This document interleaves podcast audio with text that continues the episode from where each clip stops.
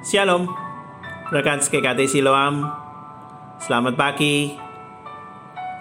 Mari kita berdoa pagi ini dan kemudian kita merenungkan bagian firman Tuhan.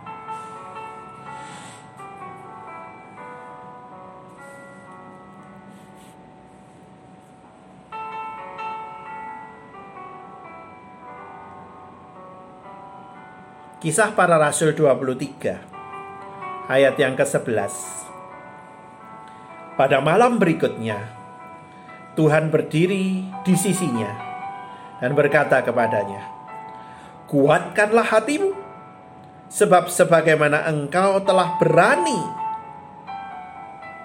telah bersaksi tentang aku di Yerusalem. Demikian jugalah hendaknya engkau pergi bersaksi di Roma.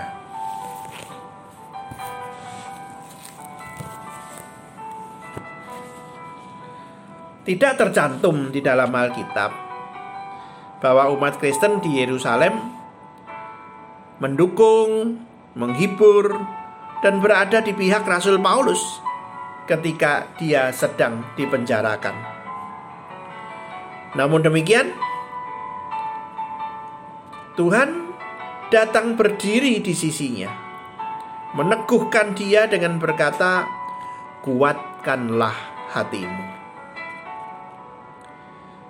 Ketika Rasul Paulus diberitahu bahwa ada puluhan orang bersumpah untuk tidak makan minum sampai mereka membunuh dia, dia tidak hanya berdoa, tetapi juga melakukan apa yang masih dapat dilakukan untuk memberitahu kepada pihak yang berwenang tentang adanya komplotan jahat itu. Jadi ada usaha, ada kerja dan berdoa. Memang ada kalanya kita sudah tidak dapat berbuat apa-apa lagi selain berdoa dan menunggu Tuhan menjawab doa kita.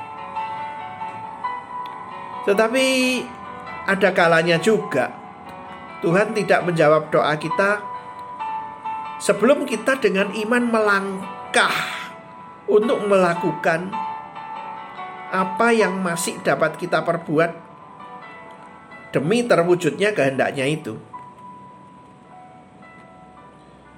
Tuhan menghendaki kita melakukan bagian kita. Berdoa dan berusaha harus berjalan berdampingan. Seperti halnya iman dan perbuatan itu juga harus berjalan berdampingan.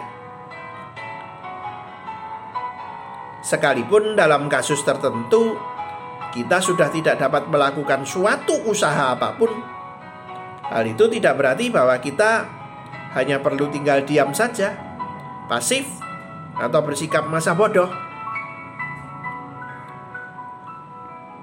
Kita harus diam secara aktif, tetap taat kepada firman Tuhan, tetap bergaul akrab dengan Tuhan hari demi hari, tetap mencari petunjuk daripada Tuhan, tetap memandang kepada Tuhan, dan tetap peka terhadap suara Tuhan dan ikut pimpinan Tuhan.